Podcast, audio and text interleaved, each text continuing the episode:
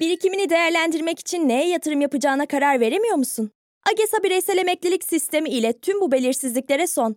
%30 devlet katkısı, geniş fon çeşitliliği ve uzman fon yönetimi sayesinde yatırımların hakkında daha iyi hissedeceksin. Kripto para dünyasının yeni kahramanı Bitiro ile tanışın. Türk lirası ile alım satım yapabileceğiniz bir kripto para borsası olan Bitiro, kripto dünyasında tüm kullanıcılarına rehberlik ediyor. Hadi siz de hemen Bitiro'ya üye olun, sıfır komisyonla kripto alım satım fırsatını kaçırmayın.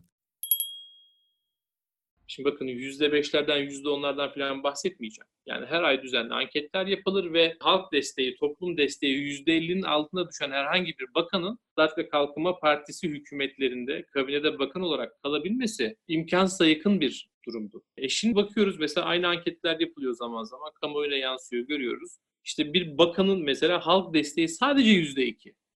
Yani bahsediyorsunuz? Berat Bey mi? Berat Albayrak mı diyorsunuz %2?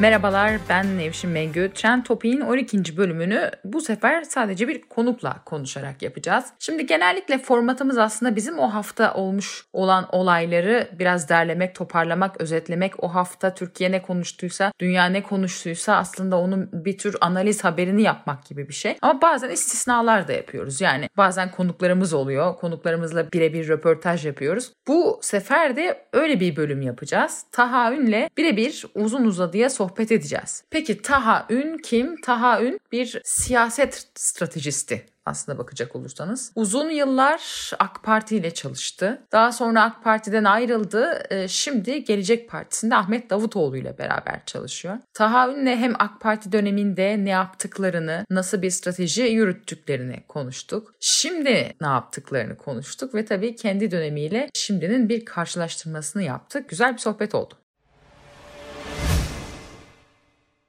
Taha Ün merhabalar, hoş geldiniz. merhabalar, hoş bulduk, teşekkür ediyorum. Şimdi ben sizin e, yaptığınız işi şöyle mi açıklayayım? Siyasal iletişim uzmanı mı diyeyim? Ne demek gerekiyor? Tabii ki siyasal iletişimci diyebilirsiniz. Çünkü şu an Gelecek Partisi'nin siyasal iletişim çalışmalarını sahip olduğum bir ajans olarak biz yürütüyoruz. Daha önce de aynı şekilde AK Parti için benzer bir hizmet mi sağlıyordunuz? AK Parti'ye zaman zaman belli alanlarda, belirli çalışmalarda bulunduk tabii ki. Özellikle outdoor alanında belli çalışmalarda bulunduk. Belli dönemlerde yerel medya ile alakalı bazı alanlarda bir takım Hı. çalışmalarda bulunduk. Saadet Partisi'nde bulunduğum dönemlerde oldu. Şu an Gelecek Partisi. Şeyde aktiftiniz değil mi? Siz Gezi döneminde galiba özellikle aktiftiniz. AK Parti'nin siyasal iletişimini yürütmek konusunda. Yanlış mı hatırlıyorum? Yok yani Gezi ve Gezi sonrası eğer sosyal medyadaki mevzulardan bahsediyorsanız onlar bizim tamamen kendi kişisel, bireysel çalışmalar. Orada AK Parti ile aramızda entegre organik bir çalışmadan bahsedemeyiz. Çok doğru olmaz. Ama kendimiz bireysel olarak bugünkü yaşanan gelişmelere göre aldığımız siyasi pozisyonlar neticesinde ortaya çıkan bir tablo olarak nitelendirebiliriz diye düşünüyorum. Tabii meslek sırrınızı tabii ki anlatamazsınız. Yani bana kalsa anlatın isterim ben. Sorarım tabii ama siz anlatamazsınız. Ama aşağı yukarı biraz hani çerçevesi çizilecek olursa bu nasıl iştir? Nasıl bir iştir? Yani partilerin sosyal medyada yaptıkları paylaşımlar e, ya da belki işte liderlerin, öne çıkan siyasilerin yaptığı konuşmalarda verilecek mesajlar. Bunlar üzerine mi çalışmalar yürütülüyor? Nasıl oluyor bu iş? Şimdi şöyle siyasal iletişim dediğimiz kavram esasen çok daha bütüncül olarak ele alınması gereken bir kavram. Yani son 10 senede yaşanan gelişmelerle beraber artık elbette ki sosyal medya ve dijital mecra diye tabir ettiğimiz mecralar majör anlamda belirleyici olabilme vasfına sahip bir hale gelmiş olsalar da yine de hani siyasal iletişim dediğimiz kavram eşittir e, sosyal medya ve dijital medya olarak nitelendiremeyiz. Geleneksel mecraların da olduğu, geleneksel çalışmaların da içerisinde bulunduğu kapsamlı bir faaliyetin adıdır siyasal iletişim. Şimdi tabii son dönemlerde bunları çok böyle süslü kavramlarla ifade ediyoruz ya da ifade etmeye çalışıyoruz bir taraftan ama bir taraftan vatandaşın yani seçmenin verdiği mesajı doğru anlamak, sizin de seçmene vermek istediğiniz mesajı doğru bir şekilde iletmeniz esasen. Dolayısıyla bütün bu parantezin arasına giren çalışmaların hepsi siyasal iletişim dediğimiz faaliyetlerin kapsamalarının içerisine girer. Bunun içerisinde tabii ki Sayın Genel Başkanların konuşma gündemlerinin içerisine bazı önerilerde bulunmak da bunun içerisindedir. İşte Hı. o konuşma bittikten sonra konuşmanın içerisinden gündeme göre en çarpıcı olan ya da en mesajınızı doğru iletebildiğini düşündüğünüz tılsımlı cümlelerin hangileri olduğunu seçmek de bunun içerisindedir. Rakiplerinizi takip etmek, rakiplerinizin varsa çelişkileri, tutarsızlıkları onları ortaya koymak. döneminiz yani sizin AK Parti'ye çalıştığınız dönemle şimdi şimdi AK Parti'nin yürüttüğü stratejiyi bir karşılaştırın desem. AK Parti döneminde bir kez daha altını çizmek isterim. Yani benim hani AK Parti'de çalışma yaptığım alanlar e, genel stratejiyi belirleyen alanların çok e, dışında alanlar. Yani daha ziyade outdoor mecralarıyla alakalı ya da yerel bir takım çalışmalarla alakalı faaliyet alanlarını kapsıyordu diyebilirim. Ancak bir gözlemci olarak bir şeyler söyleyebilirim ile alakalı. Tabii bir kere her şeyden önce AK Parti'yi var eden yani AK Parti'yi oluşturan şartları bir kere göz önünde bulundurmak gerekir. Yani sonuçta siyasal iletişim yapanların ya da iletişimci olanların elinde sihirli bir değnek yoktur. Siyasal iletişimi yapanlar sadece mevcut siyasi partilerin ya da mevcut konjonktürün içerisinde bir şeylerin sadece biraz daha optimum bir şekilde gündeme gelebilmesine fayda sağlayabilecek bir takım formüller üretebilirler. Şimdi AK Parti 2 Büyük Şubat krizinin üzerine kurulmuş olan bir siyasi parti. Yani bunlardan bir tanesi 28 Şubat 1997, diğeri de Şubat 2001 krizi. Yani bu iki yaşanan gelişme özellikle Türk toplumunda bazı sosyal, ekonomik e, ve kültürel pay hatlarının hareketlenmesine sebebiyet verdi ve oluşan bu arayış AK Parti'de tecessüm etti. Yani Anadolu sermayesi diye tabir edeceğimiz e, işte çalışan, üreten, ihracat yapan, ihracat yapmaya çalışan küçük ve orta ölçekli işletmelerin özellikle İstanbul sermayesi karşısında sürekli Hı negatif bir ayrımcılığa tabi tutulmasından tutun. İşte e, bireysel hak ve özgürlükler alanında pek çok noktada devam eden başörtüsü gibi, meslek liselerine uygulanan kasta adaletsizliği gibi bazı adaletsizliklerin artık toplumu isyan ettirir bir hale gelmiş olmasından devam edin. İşte aşağı yukarı 20 küsür yıldır e, devam eden olağanüstü halin halen daha Güneydoğu Anadolu bölgesinde ve Doğu Anadolu bölgesinin bazı vilayetlerinde devam ediyor olması gibi Türkiye'nin pek çok birikmiş olan sorunu toplumu bir arayışa yöneltti. Yani Evet. ve o arayışın ortasında AK Parti kuruldu ve çok köklü ve zengin bir mirasın birikimiyle kuruldu. Yani bir taraftan muhafazakar kesimin, bir taraftan merkez sağın, bir taraftan vizyonu geniş, perspektifi geniş, milliyetçi, entelektüel birikimin de içerisinde olduğu çok büyük bir insan havuzu otomatikman bir anda kendisini Adalet ve Kalkınma Partisi'nin hikayesinin içerisinde buluverdi. Yani şöyle mesela Erol Olçok efsanesi vardır. Oraya Yani gel tabii ki oraya da geleceğim. Yani mesela daha sonra Erol Olçok'un vefatından sonra da bak işte Erol Olçok vefat etti bir daha asla AK Parti ne öyle bir kampanya yapabildi ne öyle bir dil e, yaratabildi diye de yorumlar yapılıyor. E, muhakkak tabii Erol Bey'in katkısı da çoktur ama biraz da konjonktür mü aslında yani AK Parti'nin savrulduğu yerle de mi alakası var acaba? Tam da işte oraya doğru geleceğim ben de. Şimdi tabii bütün bu birikimlerin üzerine ortaya çıktı AK Parti ve dediğim gibi yani çok köklü bir mirası devraldı kendi üzerine. Yani işte rahmetli Özal'ın, rahmetli Menderes'in birikimlerinin de ben mirasçısıyım diyerek yola çıktı ve tabii ki kuşkusuz rahmetli Erol abi Erol çok çok büyük bir girişimciydi yani. Ben kendisiyle çok öyle yakın birebir çalışma fırsatı çok bulamadım ama yine de dışarıdan baktığımda, gözlemlediğimde hatta böyle birkaç kere fırçasını yeme gibi bir durumum da söz konusu olmuştu yani. Nasıl oldu? Nasıl yemiştiniz fırçasını? Yani bu işte açık havayla alakalı bazı çalışmalar yaparken benim yaptığım bazı işleri beğenmedi. Tabii o böyle seçim sattım hali çok çünkü işinde çok böyle titiz ve böyle kusursuzluk isteyen birisiydi. Öyle bir iki kere de böyle ufaktan hafif fırçasını yemişimdir yani rahmetli Erol abinin. Tabii kuşkusuz çok büyük bir iletişimciydi. Bir maestroydu yani o anlamda. Erol Olçok'un döneminde yani bu sosyal medya böyle bir şey değildi. Şimdi mesela troller diye bir gerçek var değil mi hayatımızda? Evet. Baktığınız zaman şu anda AK Parti'nin iletişim stratejisi trolleri yönlendirmek üzerine mi kuruldu daha ziyade sizce? Şimdi bir kere burada şöyle bir şey var. Artık iktidarı oluşturan bileşenlerin sadece bir tanesi AK Parti. Yani şimdi ben AK Parti, AK Parti'nin içini CHP de Evet. var aynı şekilde. Vatan Partisi de var. Yani e, içini çok iyi tanırım. Yani sadece siyasi partiler anlamında bahsetmek çok doğru Evet. olmaz. Yani AK Parti bugün itibariyle mevcut oluşturulan iktidarın sadece bir bölümünü ifade ediyor. Yani Mesela bu pelikancılar denilen grup mu yönetiyor AK Parti'nin iletişim stratejisi hı hı. Şu anda? Öyle, Öyle ben partinin iletişim stratejisinde tırnak içinde trollerle iş tutmak ya da işte troller üzerinden bir siyasal iletişim kurgulamak gibi bir tarzın olduğunu çok açıkçası zannetmiyorum. Çünkü sonuçta şöyle bir şey var. AK Parti dediğimiz siyasi parti Türkiye'nin bir parçası. Yani bugün işte anketlerde işte %30 civarında falan gösteriliyor oyu. Bu şu demek yani ortalama Türkiye'de her üç kişiden bir kişinin halen daha oyunu alabilmeyi sürdüren bir siyasi partiden bahsediyoruz. Dolayısıyla böyle bir siyasi partinin gerçeklikle hiçbir bağ olmayan, tamamen fantastik paradigmalar üzerinden e, siyaset üretmeye ya da söylem üretmeye çalışan bir troll tarzıyla siyasal iletişim kurgulama fikri bana çok gerçekçi gelmiyor. Burada AK Parti'nin dışında AK Parti'nin Kaplan Köşkü'nü, AK Parti'nin patronajını ele geçirmiş olan kliklerden bahsedebiliriz. Pelikan bunlardan bir tanesi. Yani belki başka yapılanmalar da var mutlak surette değerlendirebileceğimiz, ifade edebileceğimiz. Dolayısıyla iktidarın aslında iletişim stratejisi mevcut haliyle şu an bir trolleşmiş durumda. Yani dediğim gibi burada AK Parti iktidarın tek sahibi olarak görmek çok gerçekçi olmaz. Yani Çünkü... iletişim uzmanı olarak bunun etkili olduğunu düşünüyor musunuz? Yani işte garip garip başlıklar mesela işte TT listesine giriyor Twitter'da falan.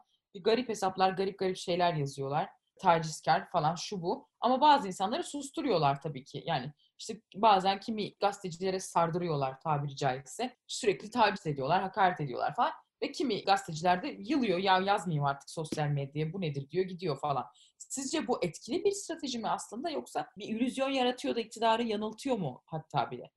Şimdi etkili olup olmadığını en net sağlamasını her zaman seçimler neticesinde görebiliriz diye düşünüyorum. Hem gerek 31 Mart seçimleri hem sonrasında işte tekrar edilen 23 Haziran seçimleri. Bunların ikisini yan yana koyduğumuz zaman trolleşen iletişim stratejisinin iktidar partisine bir fayda sağlamadığı çok açık. Yani şimdi siz düşünsenize bir tarafa işte Binali Yıldırım gibi AK Parti döneminin en majör icraatçı bakanlarından bir tanesini getiriyorsunuz. İşte eski başbakan, e, meclis başkanlığını bırakıp geliyor ve e, işte İstanbul için bir dolu projeyle geldiğini ifade ediyor. Seversiniz, sevmezsiniz, eleştirirsiniz, eleştirirsiniz. Bir Türkiye markasıdır. Yani baktığınız zaman işte bir proje adamıdır. Hani çok öyle tırnak içinde politize olmuş bir karakter de değildir. Normal şartlarda bir tarafa bunu koyuyorsunuz. Diğer tarafa da hani eski İstanbul diye bile tabir edemeyeceğimiz ilçelerinden bir tanesinde işte yanlış hatırlamıyorsam bir dönem yaptı Ekrem Bey belediye başkanlığı Beylikdüzü'nde. İşte bir dönem belediye başkanlığı yapmış, çok daha genç, dolayısıyla çok daha tecrübesiz, Türkiye kamuoyunun hakkında çok da fazla fikrinin olmadığı bir isim Binali Yıldırım'ın karşısına aday olarak çıkıyor ve İstanbul'da yani çeyrek asırdır neredeyse işte Sayın Cumhurbaşkanı'ndan itibaren başlayan bir geleneğin yürüttüğü bir şehirde karşısına çıkıyor ve hem ilk seçimde hem ikinci seçimde çok net ve bariz bir şekilde iktidar partisinin, iktidar bloğunu yani Milliyetçi Hareket Partisi'ni de ekleyebilirsiniz. Devasa medya kuruluşları, işte sivil toplum örgütleri, iş adamları, sermaye falan falan falan bunları hepsini üst üste koyuyorsunuz. Ekrem İmamoğlu bir şekilde argo tabirli olacak belki ama yani vurup geçiyor. Bu neden oluyor? Bu sizin toplumdan kopuk, fantastik ve komplocu iletişim tarzınız ve iletişim stratejinizden kaynaklanıyor. Yani şimdi ya, AK Parti galiba şöyle bir 10 yıl önceyle karşılaştırınca üstten bakmaca bir dil gelişti iktidarda gibi görüyorum ben. Yani hani eskiden mesela Erol Olçoğ'un belki bilmiyorum siz de o kampanyada var mıydınız?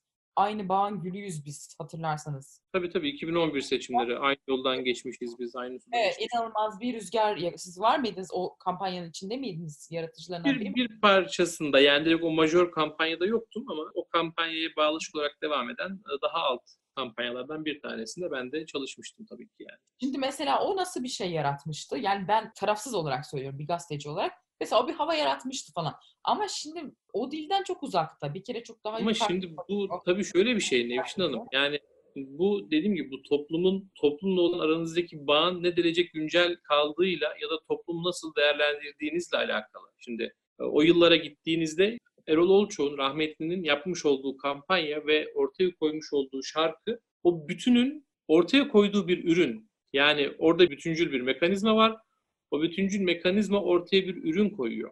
Şimdi nasıl da o dönem? O zaman çok basit bir örnek verelim. Şimdi AK Parti'nin geçmiş kabinelerini hatırlayalım mesela. Şimdi bakın %5'lerden %10'lardan falan bahsetmeyeceğim. Yani her ay düzenli anketler yapılır ve halk desteği, toplum desteği %50'nin altına düşen herhangi bir bakanın Adalet ve Kalkınma Partisi hükümetlerinde kabinede bakan olarak kalabilmesi imkansıza yakın bir durumdu. Sürekli anket mi yapılıyordu tüm bakanlar için sizin orada Tabii ki, tabii ki. E şimdi bakıyoruz mesela aynı anketler yapılıyor zaman zaman. Kamuoyuna yansıyor, görüyoruz. İşte bir bakanın mesela halk desteği sadece yüzde iki. Yani Hangi bahsediyorsunuz? Var o anketler bakarsınız. Yani şimdi meseleyi falanca bakan filanca bakan dedik. Berat, Berat Bey mi? Berat Albayrak mı diyorsunuz yüzde yani sanırım öyle. Yani baktığınız zaman anketlere görürsünüz. Daha önce yanlış hatırlamıyorsam bundan bir 7-8 ay önce böyle bir anket gelmişti benim gözümün önüne. Öyle hatırlıyorum ben. E şimdi bir bakan çıkıyor. Şimdi bu bakanın halk desteği sadece yüzde iki. Tamam mı? Şimdi normal şartlar altında bizim klasik bildiğimiz iktidar partisi ve onun genel başkanı ne yapar? Yani böyle bir bakanı kabinede tutması mümkün mü? Değildi. E şimdi ne yapılıyor? Ha bu yüzde iki demek ki vatandaş tam anlamıyor kimin daha başarılı, daha başarısız olduğunu. Bunu diyorlar daha işte köpürtün. Bunu sürekli manşetlere taşıyın. İşte bu bir Türkiye'yi dolaşsın, illere bir gitsin. Altın bir yükselse Aslında her ay atacaksın kenara 3-5. Evi arabayı satıp bas sen güven bana. AGESA bireysel emeklilik sistemi varken bu tip maceralara atılmaya hiç gerek yok. Birikimlerini besin güvenli ve kazançlı sistemiyle değerlendir. %30 devlet katkısı, AGESA'nın geniş fon çeşitliliği ve uzman fon yönetimi sayesinde yatırımların hakkında daha iyi hisset. Güvenli bir gelecek için yapabileceklerin açıklamalardaki bağlantıda. Müşteri temsilcisine bağlanamamaya son. Kripto para dünyasının yeni kahramanı BitHero, 7/24 hizmet veren müşteri temsilcileri ve kullanıcı deneyimi odaklı yaklaşımıyla sizlere benzersiz bir kripto para borsası deneyimi sunuyor. Kolay arayüzü ve sadeleştirilmiş ekranları sayesinde tüm işlemlerde hız ve pratiklik kazandırıyor. Üstelik şimdi açılışı özel hiçbir komisyon ücreti yok. BitHero, kripto para dünyasının yeni kahramanı. Tabii bir gazeteci olarak biz hani şaşırdığım şey aslında şu anda baktığımız zaman konvansiyonel medya araçları yani televizyonu, gazetesi büyük ölçüde aslında iktidarın kontrolünde. Şimdi Tabii bir ki. yandan iktidar diyor ki ya kardeşim işte muhalif kanallarda yok mu? Var. Tabii Tele1 var. Halk TV'si var ama bunların tabii bütçesi bir kere çok daha düşük. Bir de mesela işte Rütük bir ceza kesiyor. Zaten iflahını kesiyor falan. Ama öte yandan iktidarın çevresindeki, periferisindeki televizyon kanallarında çok para var bir de Taha Bey. Yani iyi para var. iyi para harcanıyor. Fakat şimdi ona rağmen bu dediğiniz bakanların mesela desteği arttıramıyor olması işte bu bir siyasal iletişim başarısızlığının mı işareti? Hayır, bu bir siyasal iletişim başarısızlığının neticesi değil. Bu ortaya konan siyasetin başarısızlığı. Yani Hı. şimdi siz ortaya başarısız bir siyaset ortaya koyarsanız bunun iletişimi istediğiniz kadar iyi yapın. Yani şimdi sonuçta işte Binali Bey'in 23 Haziran seçimlerinde biliyorum ben çok nitelikli, çok kaliteli insanlar o kampanyada görev aldılar. Yani çok başarılı art direktörler, çok başarılı işte görsel yönetmenler, çok başarılı metin yazarları, bir sürü çok böyle alanında uzman, başarılı insan görev aldı o kampanyada, 23 Haziran kampanyasında.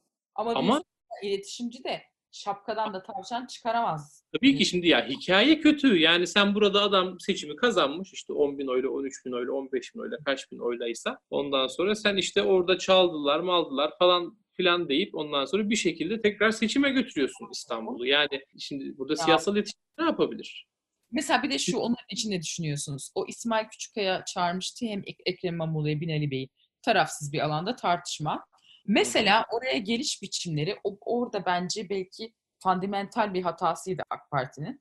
Şimdi Ekrem İmamoğlu çoluğu çocuğu falan böyle görece basit bir araçla geldi oraya mesela. Doğru. Şimdi Binali Bey böyle çakarlar, makarlar, korumalar falan böyle büyük bir şeyle, e, tantanayla geldi yani. Doğru. Bilmiyorum, belki herhalde orada iletişim stratejisi olarak böyle bir devletin gücü Bakın bu iletişim stratejisi de tabii ki çok önemli ama mesela aynı Binali Yıldırım'ı mesela bundan 5 sene önce o şekilde sokamazdınız oraya. Yani Binali Bey derdi ki arkadaşlar bir saniye biz seçime gidiyoruz. Vatandaşa böyle bir fotoğraf vermemiz doğru değil. Ben yanıma hanımı da alır giderim derdi netice itibariyle. Şimdi dolayısıyla bütün bunların hepsi halktan kopuşun ve halkla olan iletişimin ve ünsiyetin kesilmesinin ortaya koymuş olduğu doğal neticeler, doğal sonuçlar. Evet siyasal iletişimci bir şeyleri yapabilir, bir şeyleri toparlayabilir ama bu şöyle bir şey. Yani çok hani bir misalleştirmek gerekirse şimdi siz bir toprak parçası var. Toprak parçasındaki bütün ağaçları kesiyorsunuz.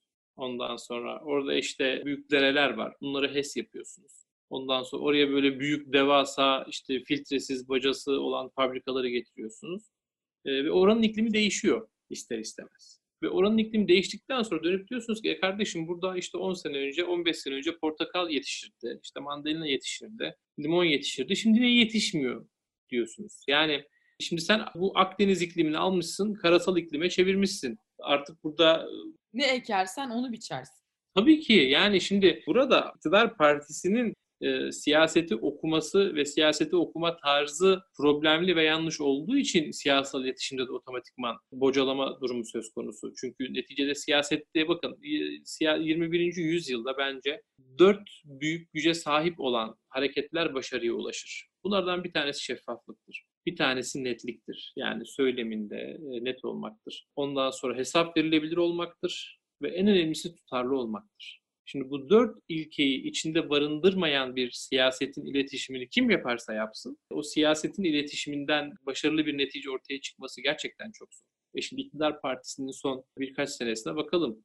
Şimdi şeffaflık var mı ortada? Yok. Netlik var mı ortada? Biz mesela iktidar partisinin pek çok konuda ne düşündüğünü, nasıl düşündüğünü biliyor muyuz? Bilmiyoruz. Kamuoyu da bilmiyor, toplum da bilmiyor. E, hesap verilebilirlik gibi bir durumu zaten kimse yanından geçmiyor. Yani ortada hesap verebilir bir siyasi parti yok, bir siyasi yapı yok. iktidar. Yani ben artık devletim, siz benim işime karışmayın. Tabii tabii ben... tabii. Yani ben hesabı millete veririm falan tarzında bir mantıkla, bir yöntemle işte mevcut günü kurtarmak gibi bir yöntem, bir tarz belirlemiş durumda iktidar partisi. Şimdi Ülke TV'de Sevda Noyan'la Esra Eren'in yaptığı Hı-hı. röportaj Sevda Noyan diyor ki ya bu da iktidara yakın bir kanalda Ülke TV'de özellikle yer aldığı ve çok konuşulduğu için söylüyorum. Ya diyor ki benim de diyor sistemde 2-3 tane var. Zaten gözüme kestirmiştim diyor Sevda Noyan. Bizim diyor ailede zaten dolu diyor. Cephane var bizde diyor. 50 tane götürürüz diyor. Esra önünde gülüyor falan. İşte dört ayağın denk alsın bunlar falan filan diyor. Yani diyorlar ki sözde biz bunu FETÖ'cüler için, darbeciler için söylüyoruz diyorlar ama şimdi de şöyle bir şey var. E, beğenme iktidar yani bu iktidar yanlısı televizyonlar bana da çok saldırdığı için takip etmek zorunda kalıyorum. Beğenmedikleri herkesi darbeci olarak addediyorlar yalnız. Yani böyle bir sorun var. Şimdi ne diyorsunuz bu dil için?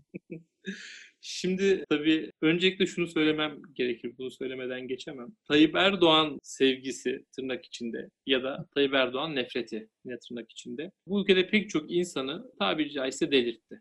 Yani biz bir sürü makul insanı Tayyip Erdoğan nefretinden dolayı böyle bambaşka bir karaktere büründüklerini gördük. Yine bunu tırnak içinde söylüyorum nefreti. Aynı şekilde Tayyip Erdoğan sevgisinin de yine bir sürü insanı bambaşka bir hale getirdiğini hep beraber yaşayarak gördük, görmeye de devam ediyoruz. Şimdi Sevda Noyan'ı çok eski tanırım. Yani işte geçmişte biz aynı kurumda ben Marmara FM'de program yapardım. Sevda abla da oraya gelirdi giderdi falan. Esra da herkese aynı şekilde benim çok eski değer verdiğim bir arkadaşımdır. Yani uzun yıllardır görüşmüyoruz tabii ki ama Şimdi normal şartlar altında birisi bana gelip dese ki ya işte Sevda Noyan böyle böyle bir şey söyledi. İşte Esra da onu güldü falan böyle bir şey yaptı falan deseler ben inanmam yani. Çünkü normal hayatta, gündelik hayatta son derece makul, oturup her meseleyi konuşabildiğimiz aklı başında insanlar bunlar normal şartlar altında ama şimdi demin bahsettim mi bir iklim var yani ve bu iklim böyle bir yerde esiyor sürekli olarak. Şimdi dolayısıyla bu iklim bence bu insanları bir şekilde kendiliğinden provoke olan bir duruma doğru itiyor diye düşünüyorum. Öncelikle bunu söyleyeyim. Mesela şey mi diyorlar iktidar partisinden mesela? Bilmiyorum bu mesela Recep Tayyip Erdoğan hoşuna gidiyor mudur? Bak Sevda Noyan'a benim için 50 kişi vuracak. Helal olsun kıza be falan mı diyordur. Mesela öyle bir öyle bir şey mi var yani yayından sonra arayıp helal olsun hanımlar iyi konuştunuz falan mı diyor AK Parti'den birisi? İklim böyle bir şey mi? Böyle bir şeyin olacağına çok ihtimal vermiyorum ama mutlaka neticede ya helal olsun abla ne konuştun be falan diyenler mutlaka olmuştur. Hani tabii bunu ben direkt Sayın Cumhurbaşkanı'nın kendisini ya da onun yakın çevresinden birilerinin söylediğine çok ihtimal vermem. Ama mutlak surette tabii ki böyle söyleyenler olmuştur. Ama videonun ortaya çıkmasıyla beraber toplumun belki tüm kesimde oluşan tepki neticesinde bence onlar da tekrar bir ya acaba yanlış mı söyledik gibi bir şey. Şimdi burada iki tane mesele var. Birincisi şu. Bir kere şimdi tekrar darbe olursa cümlesi kadar saçma bir cümle yok. Şimdi burada bir kere sorulması gereken soru şu. Tekrar niye darbe oluyor kardeşim? Şimdi biz 15 Temmuz'dan sonra bu ülkede yaklaşık 26 ay, 27 ay boyunca değil mi? Bir olağanüstü hal yönetimi altında yaşadık. Niye biz olağanüstü hal yönetimi altında yaşadık? Bu memlekette tekrar bir daha darbe olmasın, tekrar bir daha bu ülkede demokrasi dışında, milli irade dışında iktidar el değiştirmesin diye o hal dönemi diye tabir edebileceğimiz bir dönem içerisinde hep beraber yaşamaya razı olduk. E şimdi Evet. iktidar partisi de nihayetinde o dönem bununla mücadele etmek adına pek çok kanun hükmünde kararnameler çıkarttı. Hatta bu konuda o kadar çok başarılı oldu ki yani tekrar olası bir darbe ihtimalini ortadan kaldırmak adına çıkartılacak olan kararnamelerin tümü çıkartıldı ki biz o hal dönemi altında cam filmleriyle alakalı kanun hükmünde kararname gördük mü? Gördük. Evet. Kış lastikleriyle alakalı kanun hükmünde kararname gördük mü? Gördük. Yani şimdi e, askeri tesislerin şehir dışına gönderilmesinden işte zırhlı araçların sınır bölgelerine gönderilmesine kadar pek çok tedbir alındı. Yetmedi. Üzerine denildi ki kardeşim tekrar bir daha bu ülkede bir askeri darbe, bir tehdit oluşmasın diye biz bir Cumhurbaşkanlığı hükümet sistemi referandum yaptık.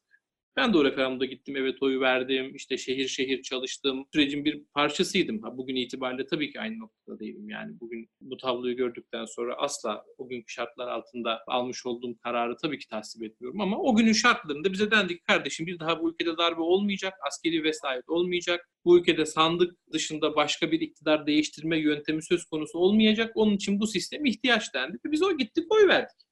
Şimdi peki biz bütün bunları yaptıktan sonra tekrar biz niye başa dönüp darbe meselesini konuşuyoruz? Bu bir. E, ikincisi bunu bir tarafa koyuyorum. Bu faslı kapatıyorum. Şimdi 15 Temmuz'u ve 15 Temmuz'un şehitlerini göz önüne getirdiğimizde kendim de bunun bir parçası olarak söylemek istiyorum. Yani sonuçta işte hani bizler görece biraz göz önünde olan, görece biraz daha yazıp çizen insanlar olduğumuz için Allah 15 Temmuz gecesi süslü cümleler kuran, işte tabiri caizse beylik laflar eden hiç kimseye 15 Temmuz'un tarihsel akışını değiştirebilecek bir rol vermeyi nasip etmedi. Şimdi bakın bizim şehitlerimiz ortada. Halil Kantarcı'nın Twitter hesabı hala duruyor orada. İşte Ömer Halis Demir'in mutlaka Facebook sayfası falan vardır, duruyor. Şunu mu demek istiyorsunuz yani? Hakikaten o gece darbeye direnenler Bunun öyle- hamasını yapmadılar. Yani anladım. Mesaj atanlar diyorsunuz hepsi güvenli bir yerdeydi. Rahat Ya, rahat. Şimdi var mesela bir tane Cumhurbaşkanı baş danışmanı var işte. İki tane silahım, yüzlerce mermim var. Külliyeyi ölene kadar savunurum falan diye konuşuyordu önceden. Ve sonra 15 Temmuz'dan kaç gün sonra piyasaya çıktığını herkes biliyor. Kimi kastettiniz? Ya Yiğit Bulut'un hatırlarsınız iki tane silahım, yüzlerce mermim var. Külliyeyi ölene kadar savunurum falan diye bir cümlesi vardı kendi e, daha önce 15 Temmuz'dan çok uzun zaman önce. E, ama sonra bilmiyorum ben hani 15 Temmuz Benim bütün bunlarda ki herkes çoğu insanı da anlamadı. Şimdi Recep Tayyip Erdoğan bir siyasetin kurdu bir adam. Tamam mı? Yani bu adamın böyle bir belki hani artık güdüsü mü diyelim böyle doğmuş değil mi yani? Hemen iyi kokuyu alıyor, halkın nabzını iyi tutuyor, anlıyor falan hep kararlarını böyle veriyordu. Şimdi bütün bu olan bitenlerden haberi yok mu Cumhurbaşkanı? Mesela bu Sevda Noyan'ın bu konuşmalarından falan mesela haberi oluyor mudur Cumhurbaşkanı'nın? Yoksa Cumhurbaşkanı böyle bir kendi şeyine kapatılmış durumda mı? Sarayına yani tabiri caizse. bir kere bildiğim kadarıyla Sayın Cumhurbaşkanı İstanbul'da yani dolayısıyla Ankara'da değil. Külliye'ye Derken alegorik anlamda söylüyor. Anladım. Yo mesela bugün Sancaktepe'deki ve Yeşilköy'deki hastane inşaatlarına da gitmiş. Ben Sayın Cumhurbaşkanı'nın kendisinde yanındaki ekibi tarafından gündemle alakalı sık sık bilgilendirildiğini tahmin ediyorum. Yani sonuçta gündemle yaşayan bir insan Sayın Cumhurbaşkanı. Ben tabii hani bu konuyla alakalı tam olarak ne düşündüğünü, ne hissettiğini bilemem. Konuda bir şey söylemem de çok doğru olmaz ama mutlaka tabii ki bu tarz cümlelerin sert edildiğinden, bu tarz cümlelerin söylendiğinden bence mutlaka bilgisi vardır yani. Hmm. Şimdi bir de tabii Devlet Bahçeli'nin bugün bir tweet fırtınası oldu. Hı hı. Bugün derken 9 Mayıs'ta. Bir tane tweetinde de sanki Taha Ün size laf çarpmış gibi geldi bana. Diyor ki Gülümür'de daha yazılan ne mutlu Türk'üm diyene sözünden rahatsızlık duyanlar Türk milletinin utanç vesikalarıdır. Bunlara kulak versek zalimlere, hainlere, teröristlere, ekonomik şantajcılara, emperyalist oyunlara boyun bükmek ne yapalım kaderimiz buymuş demek kaçınılmazdır. Böyle enteresan tweetleri oldu e, Devlet Bahçeli'nin. Bir de işte Don Quixote'la Sancho Pancho ile ilgili bir şey yapmış falan. Evet, Ne demek istediğini anlamadım. Ama Plümür de size laf çarpmış galiba. Sizin bir tweetiniz vardı bunun üstüne çünkü. Şimdi tabii Devlet Bey çok nevi şahsına münhasır ve Türkiye'nin belki son 30 senesine damga vurmuş önemli bir siyasetçi, önemli bir siyasi aktör. Dolayısıyla onun bu şekilde tweetine muhatap olmuş olduysam ben bundan ancak mutluluk duyarım. Ama tabii ki onun ötesinde ben Denizliliyim. Aslen de yörüyüm. Haliyle benim Türklüğümü sorgulamak, benim Türklüğümü yargılamak falan böyle kimsenin hakkı da değildir, haddi de değildir. Kaldı ki Milliyetçi Hareket Partisi'nin Türklük bilinci anlamında iktidardayken vermiş olduğu sınav da öyle çok parlak falan değildir. Yani Çeçenistan'ı Rusya'nın iç işleri olarak kabul eden ilk Türk hükümeti bu anlamda değerlendirecek olursak rahmetli Ecevit'le beraber devletin kurmuş olduğu Anasolme hükümetlerinde bu gerçekleşmiştir. Ee, yine aynı şekilde bir Çin devlet başkanına devlet şeref nişanı verilmesi ki o zaman da yine Uygur Türklerle alakalı tıpkı şimdi olduğu gibi çok baskıcı bir ortam ve atmosfer söz konusuydu. Tüm bunların üzerine Çin Devlet Başkanı'na o dönemin şartlarında şeref nişanı verilmesi yine Sayın Devlet Bahçeli'nin başbakan yardımcısı olduğu bir dönemde ortaya çıkmış, yaşanmış bir tablodur. Onun dışında Kemal Derviş yine Sayın Devlet Bahçeli'nin başbakan yardımcısı olduğu hükümette özel yetkilerle donatılmış bir başbakan yardımcısı olarak meclis dışından gelip kabinenin bir parçası olmuştur. 15 günde 15 yasa istiyor IMF demiştir ve Sayın Devlet Bahçeli'nin içerisinde bulunduğu Anadolu hükümetleri, Milliyetçi Hareket Partisi'nin de oylarıyla beraber IMF'nin direktifleriyle 15 günde 15 yasa çıkartılması yönünde oylar kullanmışlardır.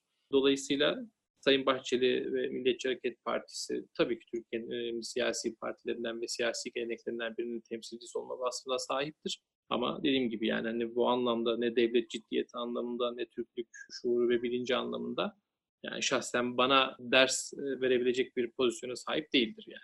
Bunu Peki şunu sorayım. Şunu sorayım. Güzel diplomatik bir cevap verdiniz. Peki bu Pelikan nereden peydah oldu diye sorayım. Bu grup nereden çıktı? Ve nasıl oldu da hani bütün bu partinin ve hatta devletin aklını ele geçirmiş gibi görünüyor. Ne oldu yani? Evet. Şimdi bu tabii Pelikan meselesi çok uzun bir fasıla. Fırat Erez'in galiba bununla alakalı geçmişte blonda yazmış olduğu bir yazı vardı. Belki oradan yola çıkılarak bir takım değerlendirmeler yapılabilir. Ama esasen şöyle bir şey var. Şimdi pelikan tarzı yapılanmalar e, ne zaman ortaya çıkar? Artık siyasetin bitip mühendisliğin başladığı bir döneme geldiysek o zaman ortaya çıkar. Yani şimdi siyaset üreten bir mekanizma pelikan tarzı bir yapılanmaya ihtiyaç duymaz. Çünkü sonuçta siyaset dediğimiz şey her gün yenilenen, kendi kendini yenileyen ve yaşayan bir organizmadır. Dolayısıyla siyaseti siyasetçilerle yaparsın. Ama siyaset yapmak, hele hele iktidar partisiysen çok zor bir iştir. Yani bir taraftan tutarlı olman gerekir, bir taraftan memleketin menfaatlerini ve çıkarlarını göz önünde bulundurman gerekir. Tekrar seçime gideceksin, dolayısıyla sandığı göz önünde bulundurman gerekir. Burada gördüğümüz tablo şu, bütün bunların ışığında şunu söyleyebiliriz belki. Son belki birkaç senedir e, Sayın Cumhurbaşkanı siyaset yapmaktan daha ziyade sanki biraz mühendislik yapmayı tercih etmiş gibi bir hal görüyorum ben ortada. Yani işte Milliyetçi Hareket Partisi ile kurulan ittifak, şimdi bu ben hani Milliyetçi Hareket Partisi'ni kötülemek adına söylemiyorum ama şimdi bu ittifak normal şartlar altında AK Parti'nin de doğasına aykırı olan bir şey. Kendi tabanına, kendi motivasyonuna, kendi yola çıkış ve kendi varoluş hikayesine Milliyetçi Hareket Partisi'nin de kendi normal şartlar altında kendini oturtmuş olduğu, konumlandırmış olduğu pozisyona da tezat oluşturan bir şey. Ancak buradan nasıl sıyrılırsınız? Siyaset yapmak yerine mühendislik yapmaya çalışıyorsanız o zaman böyle bir takım hasletler gözetmezsiniz. Dolayısıyla ben artık Sayın Cumhurbaşkanı'nın siyaset yapmaktan daha ziyade bir mühendislik yapma çabası içerisinde olduğunu sanki görüyorum. Haliyle de mühendislik yapıyorsanız o zaman bir pelikan yetmez. Yani belki birkaç tane daha pelikan tarzı yapı üretmeniz gerekir. Bu arayışın bir neticesi olarak ortaya çıktığını düşünüyorum ben pelikan e, yapılanmasının. Ama tabii ki neticesinde bu pelikan yapılanması dediğimiz yapılanma her şeyden önce meşru siyasete darbe vuruyor. Ve her şeyden önce iktidar partisinin, Adalet ve Kalkınma Partisi'nin bizzat kendisine darbe vuruyor. Çünkü bakın siyasal iletişimi falan bir tarafa koyalım. Siyaset yaparken elinizde bulundurmanız gereken en önemli güç ahlaki üstünlüktür ahlaki üstünlüğü kaybettiğinizde elinizde hiçbir şey tutamazsınız. Yani eğer bir siyasi partiyseniz sandığa... Yani tahmin ettiği insanların müthiş paralar harcanıyor galiba değil mi bu işlere? Yani neyse işte bu Pelikan grubunun yürüttüğü e, ne diyeyim strateji projelerine herhalde çok büyük para harcanıyor. Siz bu işi anlayan birisi olarak şöyle bir değerlendirirseniz. Şöyle bir takım rakamlar konuşuluyor tabii. O rakamları ben de ancak kamuoyundan duyduğum kadarıyla biliyorum. Yani ben şahsen hani oraya verilen her paraya acırım yani. Çünkü neticede rakamlar konuşuluyor mesela Bey? Nasıl rakamlar konuşuluyor? Ne kadar rakamlar konuşuluyor aşağı yukarı? Ya şimdi burada benim böyle bir rakam telaffuz etmem çok doğru olmaz. Ama nihayette kamuoyunda zaman zaman bazı şeyler yazılıyor, çiziliyor tabii ki. Yani onlardan belki bakarak bir fikir sahibi olunabilir. Yani şöyle şimdi bilmediğimiz ya da emin olmadığımız meselelerle alakalı net şeyler ifade etmeye çalıştığımızda bu sefer Pelikan'ın bir benzerine dönüşmüş oluruz. Yani Şimdi benim bugüne kadar Pelikan grubuyla mücadele ederken belki 2016'dan itibaren bu grupla mücadeleyi sürdürme adına kararlılık ortaya koyan belki ilk isimlerden bir tanesi olarak şunu söylemek isterim. Bu yapılanmayla, bu örgütle mücadele ederken benim kendi adıma gözetmeye çalıştığım en önemli haslet bunlara karşı ahlaki üstünlüğü kaybetmemek. Dolayısıyla onu da muhafaza etmek adına çok ciddi anlamda çaba sarf ediyorum. Yoksa biz bu insanların hepsinin geçmişini de biliyoruz, Cemaziye evvelinde biliyoruz, nerelerde neler konuştuklarını da biliyoruz ama... Biraz böyle mi? Hani şurada çok söyleniyor ya, eskiden cemaate yakın insanlar Şimdi ya eskiden bunun içerisinde cemaate yakın insanlar var. İşte eskiden herkesten çok Erdoğancı oldu. Yani genellikle bagajı olan insanlar mı bu yapı etrafında kümelene geldi?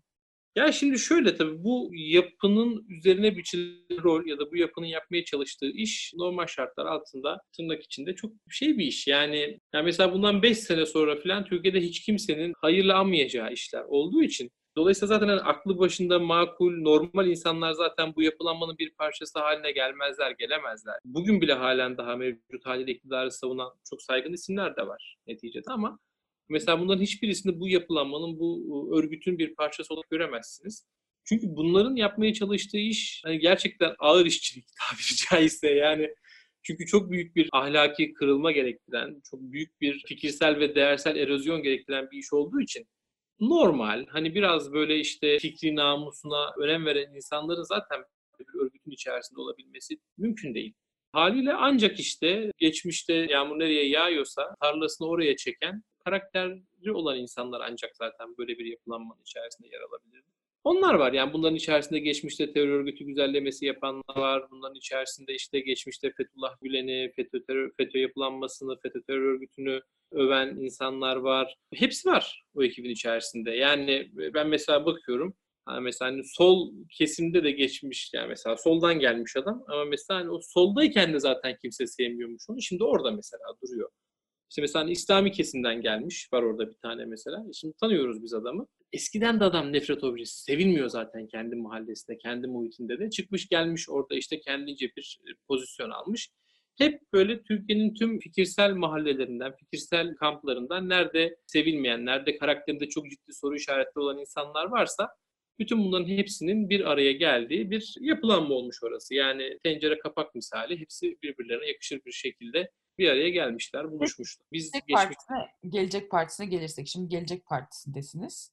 Evet. Orada çalışma yürütüyorsunuz. Oranın siyasal iletişimini yürütüyorum. Yürütüyorsunuz. Hı. Ahmet Davutoğlu'nu TikTok'a girmek için siz mi ikna ettiniz? evet, ben ikna ettim. Peki nasıl oldu? TikTok neden TikTok? Mesela başka siyasetçi yok TikTok kullanan. Yani Yok niye? mesela bizden zannediyorum herhalde birkaç gün sonra Ekrem Bey geldi. Ekrem İmamoğlu geldi TikTok'a mesela. Hani ilk aklıma gelen o. Hı hı. Ekrem İmamoğlu da kendine ait kişisel. Nasıl bir etkisi var TikTok'un? Neden TikTok? Şimdi şöyle ben TikTok'u uzun zaman takip ettim. Yani şimdi siyaset dediğimiz şey Türkiye'nin tüm kesimlerine, tüm katmanlarına, tüm sosyoekonomik, sosyokültürel yapılarına erişebilmekle gerçekleşmesi mümkün olan bir şey. E şimdi TikTok'a baktığınızda orada esasen bir Türkiye ortalamasını görebilirsiniz. Yani bir tarafta memleketin en varoşlarında yaşayan gençlerin hayat hikayelerini görürken işte bir tarafta Maraş'ta, Sivas'ta, Yozgat'ta, Çorum'da baya böyle yaşını başında almış amcaların, teyzelerin, ninelerin TikTok videolarını da orada görebilirsiniz. Baya böyle işinde gücünde esnaf, işte cep telefoncusu, araba tamircisi. Yani orası Türkiye'nin bir mozaiği aslında TikTok. Yani e, dolayısıyla orada bulunmamız gerektiğini düşündüm ben. Seçmen neredeyse orada olmalı siyasetçi diyorsunuz yani. Tabii ki. Tabii ki yani. Peki bu iş artık siyasal iletişim işi büyük ölçüde sosyal medya üzerinden mi yürüyecek? Gelecek bu mu? Şimdi gelecekte bu olabilir mi? Ben gelecekte işin buraya doğru evrileceğini düşünüyorum. Tabii ki sosyal medyanın ve dijital medyanın düne göre bugün siyasette belirleyicilik rolü çok daha artmış durumda. Ama hala hani işte majör belirleyici etken sosyal medya mıdır diye sorarsanız değil. Ama e, sosyal medyada olmadan bu iş olur mu derseniz hayır olmaz. O da imkansız. Ancak ilerleyen süreçte belki mesela korona sonrasında bu işler nereye evrilecek onu hep beraber yaşayarak göreceğiz. Bu konuda da Gelecek Partisi çok kapsamlı bir çalışma yapıyor. Etyen Bey'in başkanlığında bir komisyon kuruldu. Mehmet Ali Pulcu var. Eğitimden sorumlu Genel Başkan Yardımcısı Gelecek Partisi'nin. Neslihan Hanım var. İletişim Başkanımız partinin. Onların içerisinde olduğu bir komisyon kuruldu. İşte Serkan Bey var, Kerim Bey var, ekonomistlerimiz. Mesela korona sonrası siyaset, zihniyet, sağlık ve ekonomi başlıkları altında mesela sürecin nereye evrileceğine dair bir takım çalışmalar yapıyorlar onlar. Biz de zaman zaman ajansta kendi arkadaşlarımızla bir takım beyin fırtınaları yapıyoruz. Mesela korona sonrasında bu denklem nereye evrilir? Onu mesela kestirmek şu an güç ama hani korona öncesindeki benim kendi kişisel gözlemim anlamında soracak olursanız geleneksel siyasi yöntemler halen daha Türkiye'de siyasetin en belirleyici aktörü olmaya devam yani ediyor. O kapı gezmek mi? Tabii demek? ki. Tabii ki. Yani kapı kapı gezmek, iyi günde kötü günde yanında olmak, haline hatırını sormak. Peki mesela işte Ahmet Bey şu anda işte ana akımda gerçi kalmadı ama tırnak içerisinde ana akım diyeyim konvansiyonel medya araçlarında çok yer bulamıyor değil mi? Yani ne bileyim Kanal D çıkamıyor bugün Ahmet Davutoğlu. CNN Türkiye çıkamıyor. Neyse A Haber'e ATV'ye çıkamıyor. Onu neyle kompanse ediyorsunuz? Daha çok sosyal medya kullanarak mı? Yani o, o onunla kompanse edilebilir mi şu aşamada? Şöyle, şimdi neticede ben ülkeyi çok net görmek lazım. Mesela 94 Tayyip Erdoğan'ın geldiği seçimleri falan değerlendirdiğimizde mesela hani o zaman sosyal medya diye bir iletişim mecrası da yoktu Türkiye'de ve ana akım dediğimiz medyanın tamamında Tayyip Erdoğan yok gibi davranıyordu 94 mahalli idareler seçiminde. İşte Ankara'da Melih Gökçek yok gibi davranıyordu e, mahalli idareler seçimlerinde. Ancak bir şekilde birebir iletişim yöntemiyle o günün şartlarında siyaseten çok ciddi bir netice alındı. Yani Türkiye'nin siyasi aksı orada kırıldı, başka bir yere evrildi. Dolayısıyla bugün elimizde bir kere sosyal medya gibi bir nimet var, bir mecra var. Dolayısıyla 94'ün şartlarına göre değerlendirdiğimizde çok daha avantajlıyız biz Gelecek Partisi olarak. Tabii ki ana akım medyada olmamak çok büyük bir dezavantaj ama dünyanın sonu değil. Dolayısıyla biz burada ne yapıyoruz? Birincisi şu an sosyal medyayı bir televizyon mecrası gibi kullanıyoruz.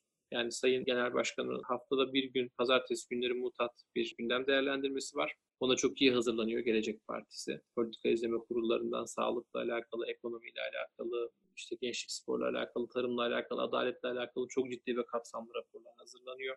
Sayın Genel Başkan hepsiyle Zoom üzerinden tek tek briefing alıyor. Gerekli veriler toparlanıyor ve her hafta pazartesi günü Türkiye'de gerçekten bugüne kadar pek muhalefetin de kullanmadığı bir tarzda ve bir yöntemle yeni bir muhalefet dili inşa ediyor şu an Gelecek Partisi. Yani sadece eleştirmeyen, eleştirmenin yanında bir takım çok ciddi yapıcı önerilerde de bulunan bir siyaset dili oluşturuyor ve biz bunun dönüşlerini görüyoruz taraftan. En son onu sorayım. Mesela anket yaptırmışsınızdır. Nasıl görünüyor? Kimin oy oranı ne görünüyor? Siz sık anket yaptırıyorsunuzdur. Görüyorsunuz. Tabii ki e, sık sık anketler yaptırıyoruz. Tabii ki bu anket sonuçlarını şu an benim paylaşmam çok doğru olmaz. Ama şunu söyleyebilirim sadece Gelecek Partisi ile alakalı bazı haber sitelerinde ve sosyal medyada telaffuz edilen rakamların çok çok ötesinde bir takım rakamlar görüyoruz biz. Yani Gelecek Partisi Türkiye'nin yeni dönem siyasetinde önemli bir omurgayı taşıyacak. Yani önemli bir omurga e, inşa ediyor orada. Onu çok net olarak görüyoruz biz anket sonuçlarında, anket neticelerinde. Onun da ötesinde şeyle görüyoruz yani teveccühlerle görüyoruz. Yani e, işte ben görev almak istiyorum diyen, ben partide aktif vazife almak istiyorum diyen Anadolu'nun dört bir tarafından insanlar ki ben hani partinin sadece iletişimcisiyim. Beni bile arıyorlar. Hani benim dışında genel başkan yardımcılarımızı, bu başkanlık kurulu üyelerimizi, kurucular kurulu üyelerimizi de arayan onlarca, yüzlerce insan oluyor Anadolu'nun her tarafında. Dolayısıyla o dinamizmi görüyoruz biz net bir şekilde. Dolayısıyla bizim buradaki birinci stratejimiz tabii ki sosyal medyayı televizyon gibi kullanmak. Yani hatta öyle bir noktaya geldi ki bu iş şu an mesela Gelecek Partisi'nin kurulu il teşkilatları belirli aralıklarla kendi illerinde Ramazan söyleşileri yapıyorlar. Partinin... Instagram şey mi? Instagram live'lar mı yoksa? Twitter, Facebook, Instagram, YouTube buralardan canlı yayınlanıyor bunlar da. İl başkanlıklarının organize ettiği programlarda. Mesela Türkiye'nin her tarafında işte maske dağıtıyor Gelecek Partisi. Şu ana kadar 1 milyon üzerinde maske dağıtıldı bu teşkilatları tarafından. Partinin kendi içerisinde yardım toplayarak organize ettiği kumanyalar var. Eski ee, maske... bu gezmeyi de yapıyorsunuz yani bir yandan. Dediniz ya o olmadan olmaz gönüllü Bu ya. olmadan olmaz. Yani şimdi bu bu olmadan bir siyaset inşa edemezsiniz. Var olan bir yapınız vardır O yapının üzerine sosyal medyada, sosyal medyayı çok aktif ve çok etkin kullanarak var olan yapının üzerine bir takım şeyler ekleyebilirsiniz. Bunun aksini kimse iddia edemez. Ama şimdi sahada olmadan, ayak basmadan, kapı çalmadan, işte vatandaşın düğününde, cenazesinde, iyi günde, kötü günde yanında olmadan bir siyaset inşa etmeniz, o vatandaşla bir duygudaşlık kurabilmeniz teknik olarak imkansız. Dolayısıyla siyasal iletişimin de bence en önemli parametrelerinden bir tanesi de budur. Ben mesela o yüzden karayoluyla seyahat etmeyi çok severim. Yani buradan çıkarım arabayla işte İstanbul'dan ve genelde olabildiğince otoban, otoyol kullanmam. Eski yolları tercih ederim. Yani köylere girerim, işte böyle 40 bin 50 bin nüfuslu Anadolu'nun metropol ilçelerinde mutlaka dururum. Bir sanayiye giderim, bir berbere giderim, bir esnaf lokantasına giderim. Ve bunu Türkiye'nin olabildiğince hemen hemen bütün vilayetlerinde yaparım. Ve bunu gerçekten severek yaparım. Yani işte yaşlı amcalarla oturup sohbet etmeyi, gençlerle oturup muhabbet etmeyi, tarlasının başında bir çiftçiyle oturup ne olacak gübrenin hali diye muhabbet etmeyi çok severim. Çünkü bütün bunların hepsi size işin nihayetinde ortalama bir Türkiye profili ve ortalama bir Türkiye bilinci oluşmasına sebebiyet veriyor. Bunlar olmadan, buralara gitmeden, buralarla bir ünsiyet kurmadan Türkiye'de herhangi bir siyasi hareketin taban tutabileceğini düşünmek zaten gerçekçi olmaz. Ha ama ilerleyen dönemlerde belki işte Türkiye'deki üretim alışkanlıkları, tüketim alışkanlıkları, kentleşme profilinde çok majör bir takım değişikliklerin yaşanmasından sonra belki evet o zaman başka bir takım yöntemlerden bahsedebiliriz ama halen daha siyasal iletişimde en isabetli yöntem nedir derseniz göz göze gelmektir, kapısını çalmaktır diye düşünüyorum ben. Peki Tahayyün çok teşekkür ederim. Hem samimiyetle sorularımızı yanıtladınız hem de ipuçları güzel tipler verdiniz bu işi nasıl yürüyor. Evet. Çok teşekkür ederim. Sağ olun. Ben çok teşekkür ederim. Çok sağ olun. Görüşmek üzere. Hoşçakalın. Trend Topi'nin bu bölümünün de sonuna geldik. Yeni bir bölümde görüşmek üzere.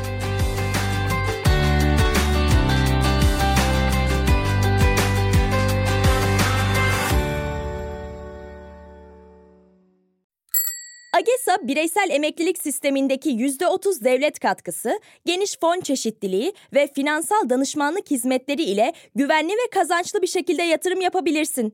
Yatırımların hakkında iyi hissetmek için detaylı bilgi açıklamalardaki bağlantıda seni bekliyor. BitHero'da alım satım emirleriniz anında gerçekleşir. Çünkü BitHero'da 6 milyon kullanıcı ile birlikte kripto para alıp satabilirsiniz. Üstelik sunduğu yüzden fazla kripto para seçeneği sayesinde yatırım alanlarınızı da genişletiyor. Siz de BitHero'ya üye olun, kriptonun kahramanı olun.